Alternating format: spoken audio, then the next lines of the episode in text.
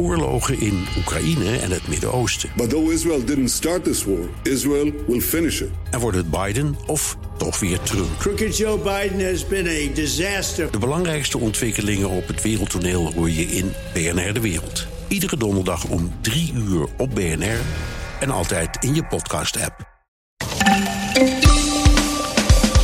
Voor je naar het buitenland gaat, wil de overheid dat je eerst even op de website nederlandwereldwijd.nl kijkt. Maar de informatie op die website is lang niet altijd actueel. De toezichthouders voor de advocatuur kijken vooral naar de kleine kantoren en laten de grote kantoren meestal ongemoeid. En op 1 oktober is de coronapandemie voorbij, zegt de regering die op die dag de steunmaatregelen stopt. Dat is een beetje snel, vinden ondernemers. Dit is Nieuwsroom, de dagelijkse podcast van het Financiële Dagblad en BNR Nieuwsradio. Met het nieuws verteld door de journalisten zelf. Ik ben Mark Beekhuis en het is vandaag woensdag 30 juni. Hallo, Wesley Weerts. hallo Mark. Van BNR Nieuwsradio. Uh, ik tik net in op nederlandwereldwijd.nl Luxemburg. En daarvoor is het reisadvies op dit ogenblik. Er geldt een avondklok van 00 uur tot 6 uur. Ja, hè? Ja, dat staat er nog Ja, dat staat er. Ja. Maar dat klopt niet.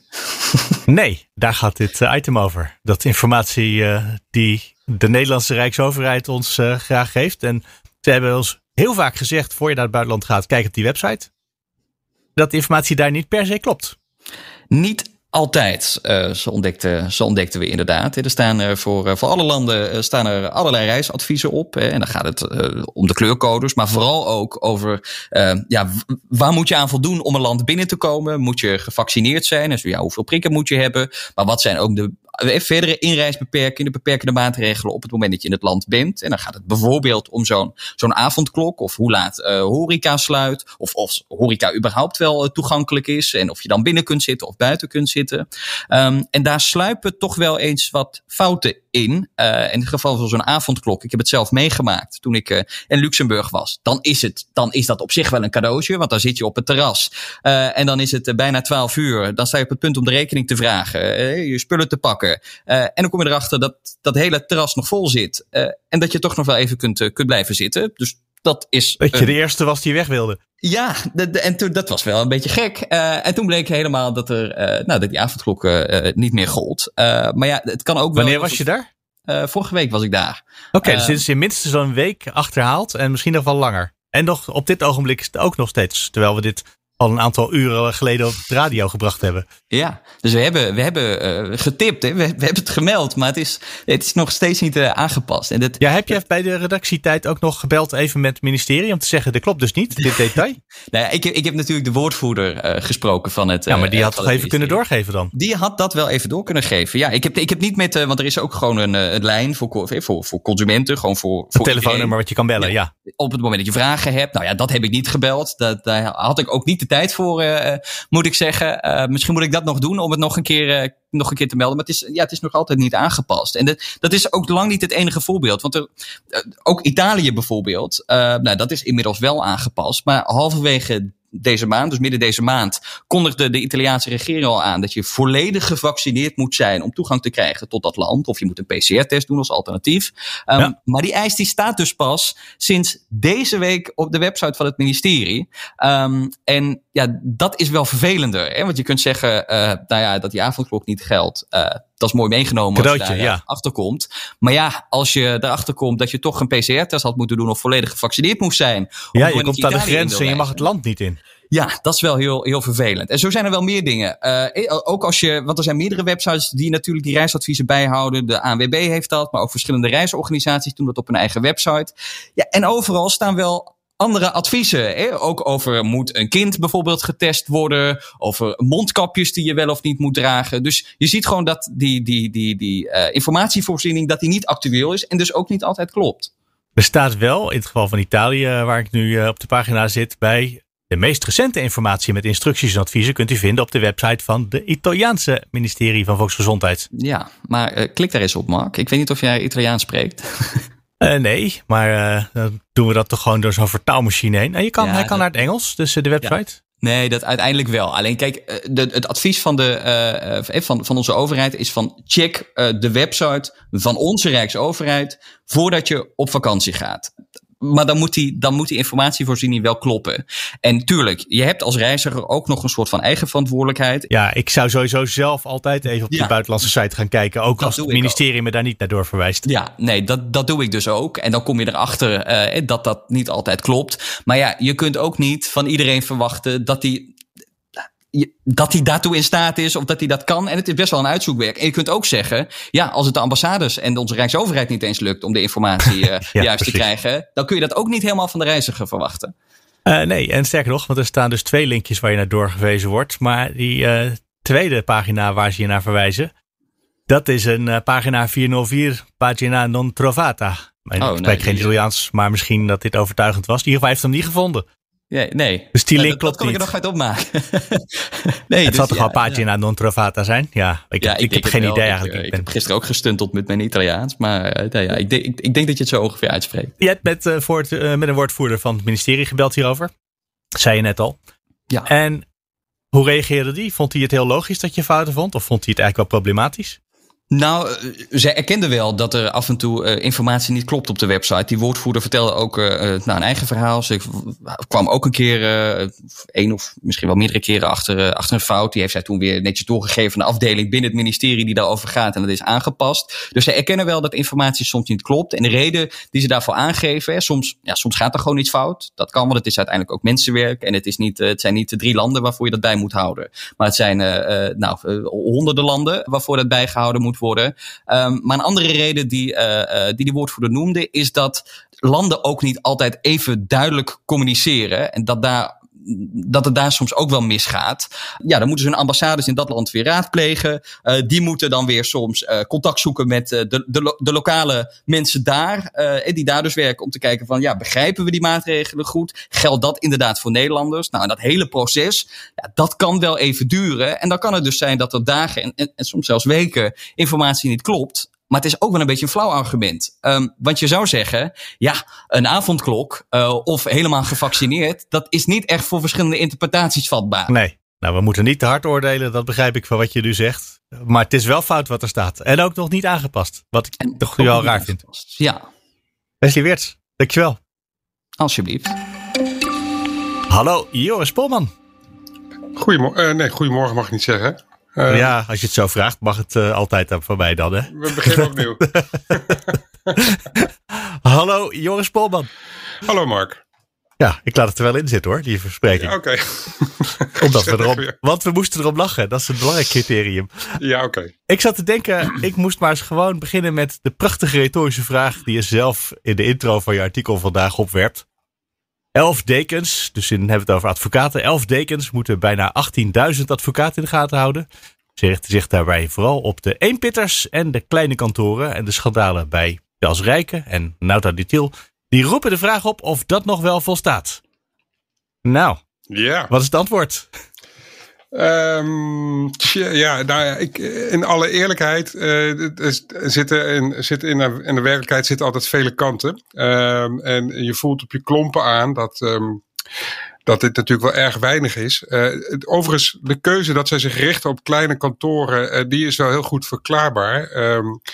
kleine advocatenkantoren, ja, die hebben vaak te weinig financiële armslag om een financiële administratie op te richten en allerlei andere ondersteunende faciliteiten uh, die je nou eenmaal ook nodig hebt als bedrijf, als advocatenkantoor, ja. om dat te organiseren en te betalen. Dus daar gaat, da dat ze daar naar kijken en dat goed in de gaten houden, dat lijkt mij een prima te verdedigen uitgangspunt voor het toezicht. Ja, maar dat ze niet kijken naar die grote, waarbij het ook af en toe misgaat. Ja, en nou haast iedereen zich natuurlijk altijd om te zeggen dat zoiets als bij Pelsrijken een uniek incident is. En ja, en, en, en, en dat is natuurlijk in zekere zin ook zo. Uh, maar als je dat afpelt, dan zie je wel degelijk. Dat blijkt gewoon al alleen al uit de verklaringen die Pelsrijken zelf geeft. Dan zie je dus wel degelijk dat er in de organisatie van dat kantoor toch dingen niet goed uh, waren uh, geregeld. Um, en en, en dat, dat maakte mogelijk dat Frank Oranje, de bestuursvoorzitter toen de tijd, 10 miljoen euro uh, wist te stelen van cliënten van het kantoor. Dan, eh, ja, dan komt toch de logische vraag op tafel. Hoe kan dat nou eigenlijk, als we, als we toezichthouders zijn, hoe kan het nou eigenlijk dat, dat niemand dat gezien heeft? Dat dat kennelijk jarenlang niet goed was georganiseerd bij Pelsrijken, mind you. Dat is een top 10 kantoor qua omzet. Mm uh, en het is ook dus het kantoor van de landsadvocaat. Dus, uh, en heel veel gevoelige zaken waar de staat bij betrokken is en andere overheden. Is Pels Rijken de advocaat van, van de overheid. Ja, en dat, dat zijn toch dingen die, die, dan, die dan vragen oproepen. Ik heb geprobeerd om in gesprek te gaan met de dekens. Ik heb dat zowel op regionaal niveau ingestoken, want Nederland is georganiseerd in elf arrondissementen, waar telkens een deken als functionaris toezicht voor zijn rekening neemt. Ja, misschien moeten we eventjes tussendoor zeggen dat de advocaten toezicht houden op zichzelf. Hè? Dat, de deken is ook een advocaat, één onder zijn ja. gelijk eigenlijk. Precies, en zo is het. Dus, en dat is van oudsher is dat een systeem dat zo is ontstaan. En daar zijn de advocaten ook heel trots op en op zich heel blij mee. Maar ja, je kunt je natuurlijk wel afvragen, anno 2021, is dat nog wel van deze tijd? Is dat onafhankelijk genoeg? Um, uh, en uh, nou ja, dat zijn wel dingen die, die ook in het stuk van vandaag uh, aan de orde komen. Dat er door hoe het georganiseerd is, bijna automatisch belangenverstrengeling bijvoorbeeld de kop opsteekt. Ja, want als we dan, en daarom is het hele Pelsrijke schandaal toch wel een, een, een eye-opener. Daarin zie je dus wat er dan gebeurt. Uh, de Haagse deken, ene Arjen van Rijn, ook advocaat dus in Den Haag. Die was heel snel in de publiciteit, onder andere bij ons, met de mededeling. Uh, ik ga onderzoek doen. Ik wil weten of er behalve het notariaat van Pelsrijke er misschien ook advocaten betrokken waren bij die fraude. Uh, dat onderzoek loopt nog. Alleen toen kwam op een gegeven moment het punt naar boven. Ja, maar wacht even, meneer Van Rijn. U heeft uh, 16 jaar gewerkt bij Pelsrijk. U was er zelfs partner. Zijn er niet misschien op basis van dat arbeidsverleden. Uh, misschien toch nog uh, belangen die een rol zouden kunnen spelen bij uh, nou, het, uiteindelijke onderzoek. En dan wordt er niet automatisch een deken uit een andere regio ingevlogen, die nooit bij Pelsrijken heeft gewerkt bijvoorbeeld. Nou, dan blijkt dus inderdaad dat er geen protocol uh, bestaat voor dit soort situaties. Hè? Situaties die gewoon uh, ingebakken zijn in het stelsel. Als jij mensen uit je eigen kring kiest, ja, dan kan er vroeg of laat een situatie ontstaan dat zo'n advocaat wordt geconfronteerd met een kwestie die speelt bij zijn eigen kantoor. Ja. Nou, en dan blijkt dus dat daar dus eigenlijk helemaal geen, geen protocollen voor uh, bestaan. Dat, dat zijn toch zaken die dan ongemakkelijk aanvoelen. En dat speelde dus ook bij Pels Rijken. Uiteindelijk uh, zijn daar twee sloten op de deur geplaatst. Die van Rijn is nog steeds betrokken bij dat onderzoek. Maar zijn collega uit Rotterdam, die kijkt mee. En dan is er ook nog een soort college van toezicht van de Nederlandse Orde van Advocaten. Ja, het, het, is, het is bijna het komt bijna, om plat te zeggen, je bek niet uit. Maar dat is dan weer een speciaal gremium dat een enkele jaren geleden is opgericht. Met daarin twee kroonleden. Dat zijn mensen van buiten de advocatuur en de landelijk deken. En dat, die zijn dan samen de systeemtoezichthouder. Mensen, bent u er nog?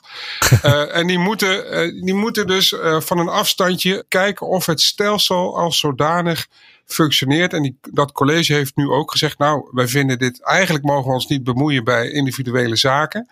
Maar dit is zo'n belangrijk incident. Wij gaan dit ja. op de voet volgen om vast te stellen of dat, of dat stelsel inderdaad wel naar behoren functioneert in dit soort situaties.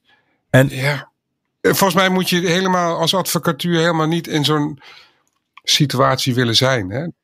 En, en kijk, en, en uh, als je daarnaar vraagt. Uh, ik, ik, wilde net vertellen dat, dat de dekens mij helaas, uh, ondanks herhaalde verzoeken, niet te woord hebben willen staan. Ik Geen van die elf? Geen van die elf. En ik vind het eerlijk gezegd een godsbe, want zij, ja, zij, zij vertegenwoordigen toch ook het belang van de samenleving. Zij moeten ervoor zorgen dat die advocaten netjes werken. Maar goed, dat is niet gebeurd. En een reden die ze gegeven hebben? Of gewoon geen, geen tijd, geen zin? Nou, de, uh, het Landelijk Dekenberaad, daar de voorzitter van, uh, daar heb ik wel contact gehad met, met een medewerker van het bureau. Uh, maar ja, die heeft gezegd, ik leid je verzoek door en ik heb dat meerdere keren aangekaart. En ik heb daar nooit een reactie op teruggekregen. de deken in Amsterdam, dat is eigenlijk de, nou ja, tussen aanhalingstekens de belangrijkste deken. Ook voor dit verhaal, omdat nou in Amsterdam nou eenmaal de, de, de grote kantoren zitten. Ja. Uh, ja, die gaf aan, ja, ik ben druk en uh, ik heb geen tijd en uh, stuur maar vragen op. Dat heb ik allemaal gedaan en uiteindelijk is daar ook geen reactie op gekomen. Ja, dat, ik vind dat zelf vrij, hoe druk je ook bent. En in het, uit het verhaal blijkt ook dat deze mensen ontzettend druk zijn. Maar ik, ja, ik vind dat eigenlijk niet kunnen. Maar goed. Het is op zijn minst opmerkelijk. Wie weet, uh, dat, uh, want er komen nu vier verhalen. Uh, wie dat weet ze zich daarna misschien toch weer op voelen. ja, ik hoop het. Ze mogen altijd even mailen naar nieuwsroom.bnr.nl of nieuwsroom.fd.nl om uh, weer in contact te komen met jou. Goed dat je even inhaakt, Mark. Ja. Ik denk, met dit gezag hebben een medium dat, het niet, dat ze nu helemaal niet meer eronder uit kunnen. ik zal niet zeggen dat het altijd wat uithaalt, maar het zou niet de eerste keer zijn dat het wel iets uithaalt. We um, wachten af, we wachten af. Precies, we blijven geduldig. misschien dat ook een, een tevreden advocaat nu uh, zijn uh, eigen deken in beweging probeert te krijgen. Dat zou kunnen natuurlijk. Uh, het zou heel goed kunnen. In het begin zei hij trouwens, het is een incident bij Pels Rijken en bij NATO Dutil ook. Maar aan de andere kant, we praten erover alsof het structureel is eigenlijk nu. En dat zit in de structuur van het toezicht, in de structuur van hoe die hele sector werkt. Is het eigenlijk gewoon dat er structureel dingen misgaat omdat er gewoon eigenlijk niet genoeg toezicht is? We weten het gewoon niet. Als je alle jaarverslagen, en die heb ik de afgelopen week eh, zo goed en zo kwaad als dat ging, allemaal doorgenomen van, van de dekens en het Landelijk Dekenberaad bekijkt dan zie je dus dat er heel weinig aandacht is voor die grote advocatenkantoren. Uh, ik heb ook gesprekken gevoerd met een aantal bestuurders van grote advocatenkantoren. Dat is, dat, de, weergave daarvan zal in de slotaflevering van deze serie te lezen zijn. Aanstaande vrijdag is dat in de krant.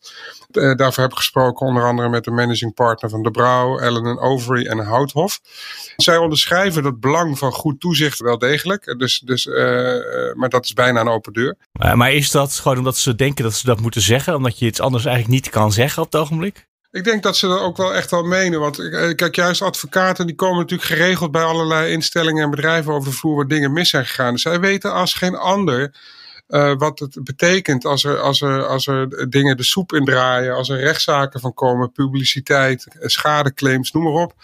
En daarom zeggen ze ook, eh, even dat toezicht daar gelaten. We hebben eigenlijk maar één ding te verliezen. En dat is onze reputatie. Wij drijven en leven van onze reputatie. Daarom kiezen klanten voor ons. En de klanten zijn dan uh, grote bedrijven, multinationale bedrijven, uh, overheidsinstellingen. Dat zijn dus klanten met diepe zakken. En die kunnen ook, als het hen niet bevalt, vrij makkelijk zeggen, nou weet je wat, uh, ik, vind hier, ik vind hier maar niks, ik ga naar een ander advocatenkantoor.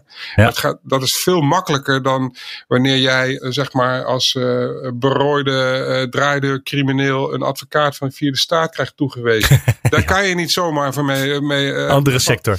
Dat is een andere sector, andere mores en ook wordt ook op een andere manier natuurlijk betaald. Daar zit wel een groot verschil. maar die, maar die grote advocatenkantoren die zeggen dus ja, dat toezicht allemaal heel belangrijk.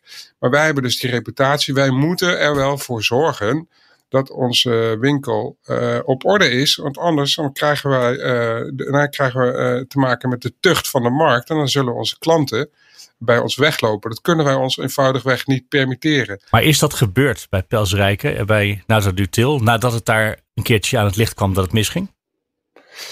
Uh, dat is nu te vroeg om te zeggen, hè, want die beide zaken die zijn eigenlijk nog best wel vers. Of daar een implosie komt, dat is de vraag. Uh, dat zijn dus onderzoeken achteraf. En je kunt je wel dus de vraag stellen, ja. bij zowel Pels als bij uh, Nauta Dutiel. Als je als toezichthouder nou wat eerder in zo'n winkel gaat kijken had je dan misschien niet uh, toch al dingen gevonden waarvan je je kunt afvragen: hey, is dit nou wel optimaal uh, georganiseerd? Uh, zijn alle checks en balances wel in plaats? Nou ja, al dat soort, dat soort vragen kan je dan stellen en onderzoeken. En dat is niet gebeurd. Ja. Zeg het maar. Nee, nee, nee, ik ga niks zeggen. Nee, ja, kijk, je kan er ook tegenover. Kijk, we zijn natuurlijk in Nederland ook een beetje een soort rubberen tegelparadijs. Hè? Dus wij willen alles maar dicht regelen en afspreken met elkaar. En uh, uh, ieder ja. risico moet zoveel mogelijk worden, ehm, worden weggepoetst en met allerlei maatregelen. Nou ja, we hebben natuurlijk ook heel veel bedrijven die op het ogenblik laten zien dat ze het nodig hebben. Nou ja, dus ja. Ik denk dus, maar even, je hebt de twee schandalen uit de, de, de advocatuur, maar we hebben natuurlijk eergisteren nog die beelden gezien uh, uit die slachterij. waar echt, dat is een totaal andere categorie. Maar er zijn heel veel plekken waar bedrijven laten zien dat ze toezicht nodig hebben. Ik, ik vrees toch dat het zo is. En, en, en, en hoewel ik uh, de meeste advocaten die ik ken die op de Zuidas rondlopen, dat zijn voorbeeldige, keurige mensen, echte professionals, hoog opgeleid je kunt niet uitsluiten dat er, dat er ooit eens een keer toch weer wat, wat, wat misgaat. En het, het punt is natuurlijk wel dat dit soort kantoren uh, grote belangen dienen. Uh, veel geld uh, gaat er doorheen. Ja. Ja, het zijn, als er dan iets misgaat, hè, dat is toch ook wel de les van, van Pels Rijken als er dan iets misgaat, dan heeft dat ook meteen enorme uh, repercussies. Niet alleen over de reputatie van zo'n kantoor zelf, maar überhaupt ook uh, voor de, de, hele sector, denk ik. Ja. Um, het is niet voor niks dat het zo'n enorme schok uh, teweeg heeft gebracht. Joris, gisteren deel 1, was dat gisteren? Ja, geloof het wel, ja, hè? Klopt, ja, klopt. Vandaag dus deel 2. Nou, dan de komende twee dagen nog deel 3 en 4. Hebben die ja. nog in één zin een, een, een thema waar die over gaan? De aflevering morgen gaat over het geld. Hoe verdienen advocatenkantoren geld? Uh, hoeveel is het eigenlijk? En hoe verdelen ze dat onder elkaar? En wat betekent dat voor uh, hoe je zo'n uh, zo'n kantoor bestuurt? En de slotaflevering heb ik net al even aangestipt. Dat Ja. betreft interviews met drie managing partners van drie gerenommeerde kantoren. Ik ga de linkjes bij deze podcast zetten naar die artikelen. Dankjewel, Joris. Graag gedaan, Mark. Hallo, Thomas van Groningen van BNR. Hi, goedemorgen, middag. ja, goeiedag dan voor de volledigheid. Dus in podcast altijd even, dan mag je geen, geen tijdsaanduiding doen natuurlijk, hè? Ja, als je het heel lief vraagt, mag het wel, zei ik net tegen Joris Polman. Dus uh, dat geldt ook okay. voor jou dan, denk ik. maar wel jij beter zou moeten weten, want jij bent ja, geen krantenjournalist. Excuses. Even goed. Uh, welkom in de podcast, uh, Thomas van Groningen. Uh, ik zat te denken, we hebben echt een enorme lijst van onderwerpen waar we het over zouden kunnen hebben. En die zijn allemaal legitiem. Ja. Dat gaat van de Nederlandse ambtenaren die Brussel hebben misleid bij het uh, pulsvissen. Het gaat over, nou ja, gesprek van de dag gisteren. En dat zal vandaag nog wel een beetje aanhouden. Uh, D66-invloed op een documentaire over mevrouw Kaag. En daar gaan we denk ik vrijdag meer over zeggen. Het Centraal Cultureel Planbureau, ook misschien voor vrijdag. Minder vertrouwen in de politiek. Mensen in Nederland. Ja. Maar uh, van gistermiddag, het bericht, dat is misschien toch degene die het belangrijkste is voor uh, direct voor nu, is dat de, het kabinet heeft gezegd: wij stoppen met coronasteun. Ja. En de ondernemers hebben, nou ja, dan kan je al verwachten wat die zeggen. Maar zullen we eerst even beginnen bij wat er gisteren precies bekendgemaakt werd? Ja, ze maakten bekend dat dus per 1 oktober uh, ze verwachten geen coronasteunpakketten meer nodig te hebben. Dat betekent eigenlijk dat het gewoon stopt. Uh, het infuus waar het bedrijfsleven aan ligt, daar stopt het kabinet mee. Um, en er zijn wat strengere voorwaarden gesteld voor het komende kwartaal. We gaan nu uh, het, derde kwartaal in van dit jaar. En daar zijn wel iets wat strengere voorwaarden aan om te voorkomen dat er misbruik gemaakt wordt van bijvoorbeeld die NOW-steun, die loonsteun. Uh, maar ja, kort gezegd, we hebben nu een einddatum.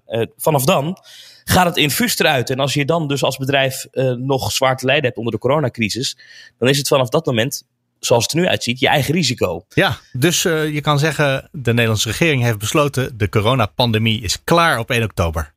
Dat is eigenlijk wat ze zeggen. Als je dat, ik vond de, het persbericht dat we gistermiddag kregen van het ministerie van Sociale Zaken, vond ik het, taalgebruik heel interessant. Um, de eerste zin is: de maatschappelijke en economische impact van het coronavirus neemt snel af en de economie herstelt zich. Het gaat wezenlijk beter dan vier weken geleden bij de aankondiging van het nieuwe steunpakket. Kortom, uh, het gaat nu zo goed. Wij durven wel een momentje te prikken. Dan zijn we er vanaf. En ze hebben het ook over het epidemiologisch beeld. Dat de verwachting is dat het, um, ja, dat het in oktober gewoon niet meer nodig is. En um, als je de mensen ook spreekt bij het ministerie. Gisteren hebben we ook even goed kort Koolmees, uh, de minister, gesproken. Die zegt ook, ja, ja, alle seinen binnen het kabinet staan nog steeds op groen om in augustus, ergens halverwege augustus, afscheid te nemen van de anderhalve meter. En dat zou betekenen dat er vanaf dan helemaal geen coronabeperkingen meer zijn. Dus is de conclusie, dan mag je ervan uitgaan dat in het vierde kwartaal van dit jaar ja, ondernemers geen last meer hebben van beperkende maatregelen. En dan hoeven ze dus niet gecompenseerd te worden. Precies. Of ondersteund, want dan moet de economie weer op eigen kracht draaien. Precies. Nou, daar zijn natuurlijk meteen sectoren die zeggen, maar dat is helemaal niet zo. nou, welke sectoren zijn er nog niet open nou, na komend weekend? Want dan gaan de festivals weer van start. Dan is toch alles in Nederland weer begonnen? Nou, de reisbranche is, is, is oh, de, de voornaamste. Die zeggen, ja, wij weten helemaal nog niet zeker of wij wel vakanties kunnen verkopen aan het einde van dit jaar. Uh, daar speelt natuurlijk heel veel onzekerheid. Het kan ook zijn dat er bijvoorbeeld landen door de Delta-variant die oprukt, toch weer ja. een negatief reisadvies krijgen, waardoor zij al die reizen moeten annuleren en terugbetalen. Dat betekent de facto geen omzet. Dus die zeggen, ja, wij weten helemaal niet of we uh, dan wel van het infuus af kunnen.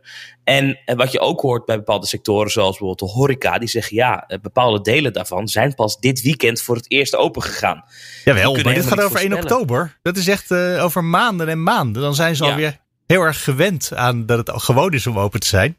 Ja, ja. Ja, dat klopt. Maar uh, je weet natuurlijk niet zeker of ze dan van het infuus af kunnen. Uh, nee, en en daar. Klopt, uh, daar zijn ze toch wel, uh, wel beducht op in, in ondernemend Nederland. Als je ze spreekt van ja, weet je, we, we, we weten het niet. En uh, wat nou juist zo fijn was voor die ondernemers, wat je hoorde, is dat ze die zekerheid hadden. Ze wisten dat als het, hè, ze hadden de tijd om langzaam op te starten. want het kabinet gaf ze de ruimte om eventueel bij te springen.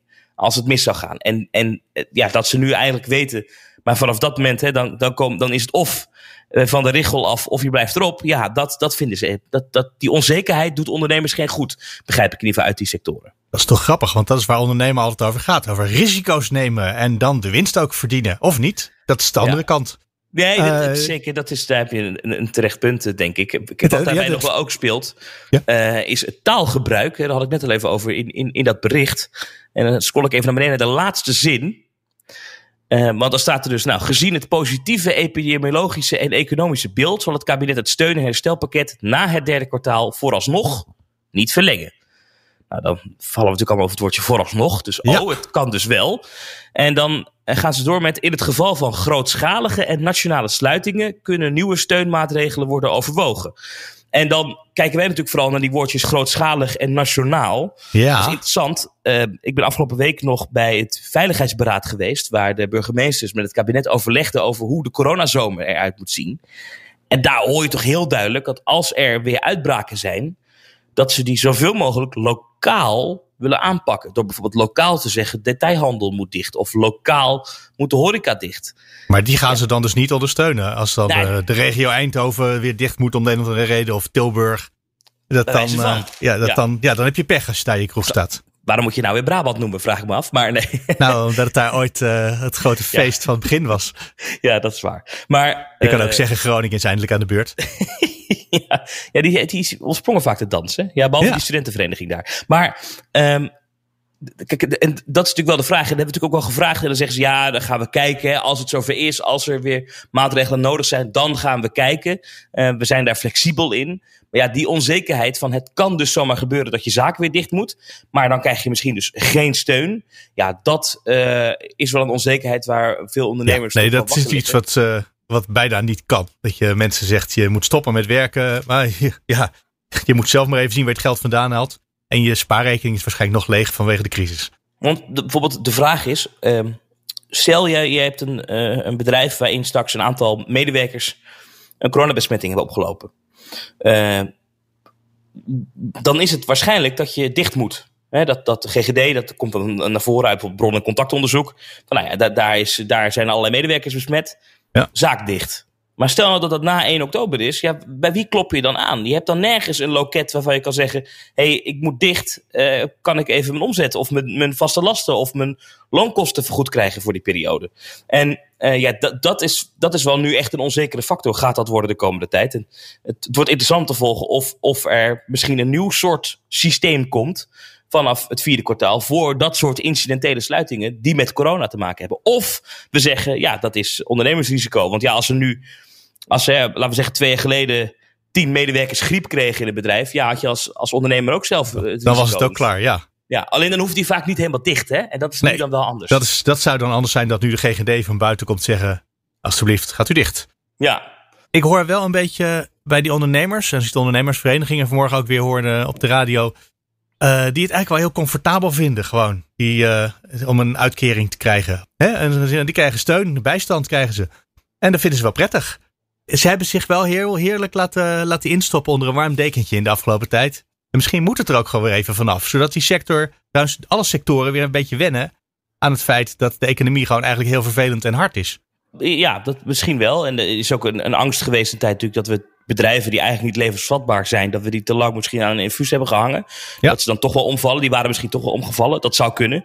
Um, een van de maatregelen die ze daarom genomen hebben nu de komende drie maanden, dus dit kwartaal, is dat uh, bij een omzetverlies van meer dan 80%, dat dat niet meer vergoed wordt. Het ministerie zegt, ja, de kans dat er nu nog ondernemers zijn die 100% omzetverlies hebben, dat is minimaal. Uh, eigenlijk kan dat Dat zijn mensen die hun deur gewoon dicht houden. Precies, en om te voorkomen dat dus ondernemers uh, in die prikkel uh, trappen, dat ze zeggen, nou het is misschien goedkoper om de toko nog even dicht te houden.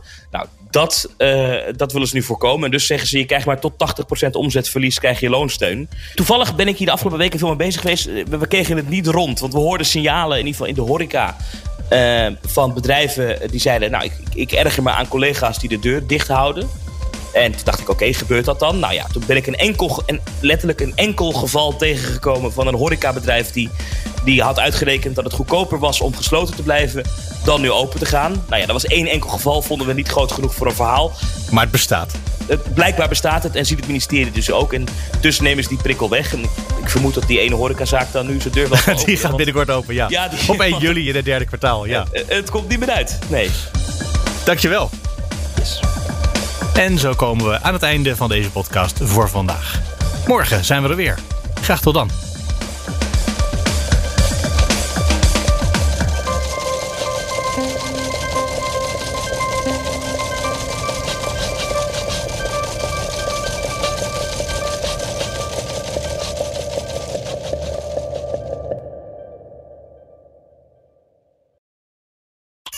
Thomas van Zeil vind je in de BNR-app. Je kunt live naar mij luisteren in Zaken doen. De BNR-app met breaking news, het laatste zakelijke nieuws... en je vindt er alle BNR-podcasts, bijvoorbeeld Het Nieuwe Geld. Download nu de gratis BNR-app en blijf scherp.